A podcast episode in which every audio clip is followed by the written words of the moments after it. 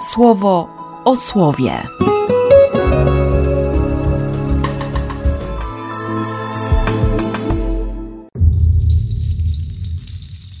Dwudziesty siódmy września, poniedziałek. Z księgi Zachariasza. Przybyło słowo od Pana, wszechwładcy, i rzekło: To mówi Pan, wszechwładca.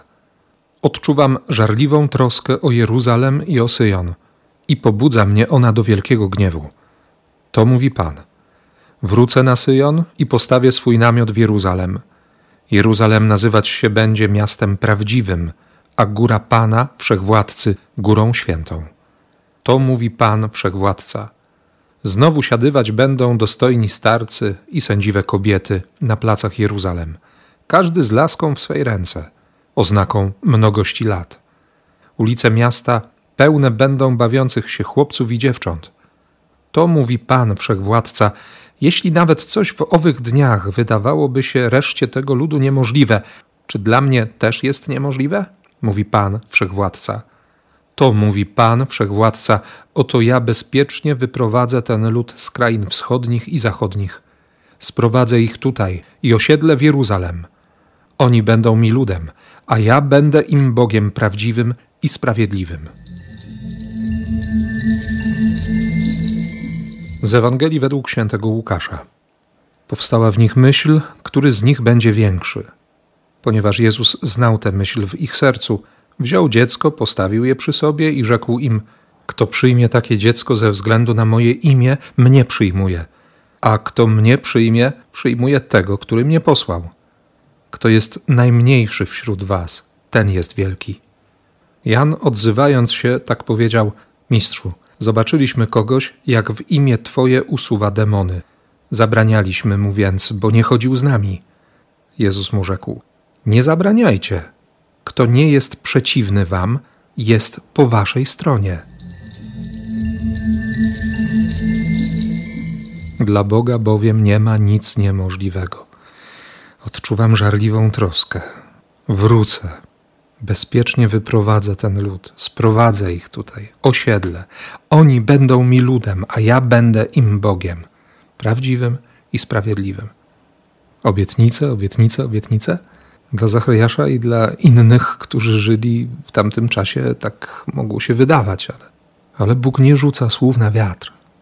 Pewnie, że niekiedy czekamy bardzo długo, ale pomyślałem sobie w kontekście dzisiejszego świętego, nie? Wincenty a Paulo. Chłopak, biedak. Ma 14 lat, wysyłają go do szkoły, do Franciszkanów bodajże. Ma 19 lat, zostaje księdzem. Motywacja kapłaństwa? Pomóc rodzinie. Przyjął święcenia, żeby pomóc rodzinie. Zarabia jak może. Coś tam w nim jest, no to wyjeżdża. Ma jakieś pragnienie ewangelizowania, dostaje się do niewoli. Przechodzi z rąk do rąk. Wreszcie ucieka. Zresztą z człowiekiem, który był jego właścicielem, bo go nawrócił. No ma jakiś ewangelizacyjny sukces jako ksiądz. Nie?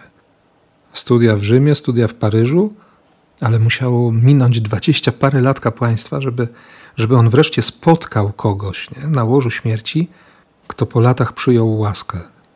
I dopiero wtedy coś się dzieje w tym księdzu. Bóg go zaczyna nawracać. No i potem to zgromadzenie księży misjonarzy i jeszcze inne inicjatywy. No przede wszystkim zadbać, zatroszczyć się o tych, którzy wchodzą w kapłaństwo i o tych, którzy są na totalnym marginesie. Jedni i drudzy potrzebują tej samej troski, tej samej miłości. Ostatecznie przez 60 lat jest księdzem i umiera jako ksiądz, i Bóg zrobił z nim taką historię, choć na początku to się mogło wydawać zupełnie niemożliwe. Nie ma dla Boga rzeczy niemożliwych. Myślę, że w tym kontekście też Jezus dzisiaj rozmawia z uczniami. Dopiero co powiedział: Przyjmijcie uważnie te oto słowa: Syn człowieczy odda się w ręce ludzi. Nie rozumieją, boją się go pytać, choć on nie boi się prawdy i nie boi się nawet stracić, ale nie zrezygnuje z prawdy, nie zrezygnuje z siebie. I może, żeby jakoś zająć swoje myśli, zaczynają się kłócić u Łukasza, to się dzieje tylko wewnątrz. Który z nich będzie większy? A Jezus bierze dziecko i I ile razy powiedziałem sobie, dzieciaku, nic nie rozumiesz. Co ty w ogóle robisz? Nie nadajesz się. Kiedy wreszcie dorośniesz? Kto przyjmie takie dziecko ze względu na moje imię?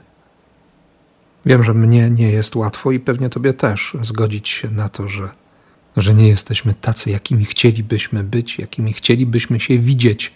Nieczęsto taki obraz się pojawia. Zgodzić się na wyciągnięte ręce.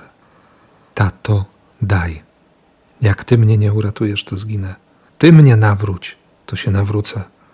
Nie po to, żeby założyć ręce i powiedzieć, no, jakiego mnie stworzyłeś, takiego mnie masz, ale, ale uwierzyć dzisiaj jeszcze raz, że dla Niego nie ma rzeczy niemożliwych. I nie ograniczać łaski. Wczoraj redakcja Marka, dzisiaj redakcja Łukasza. Nie zabraniajcie. Kto nie jest przeciwny wam, jest po waszej stronie. Pokora, pokora, pokora. Czyli prawda.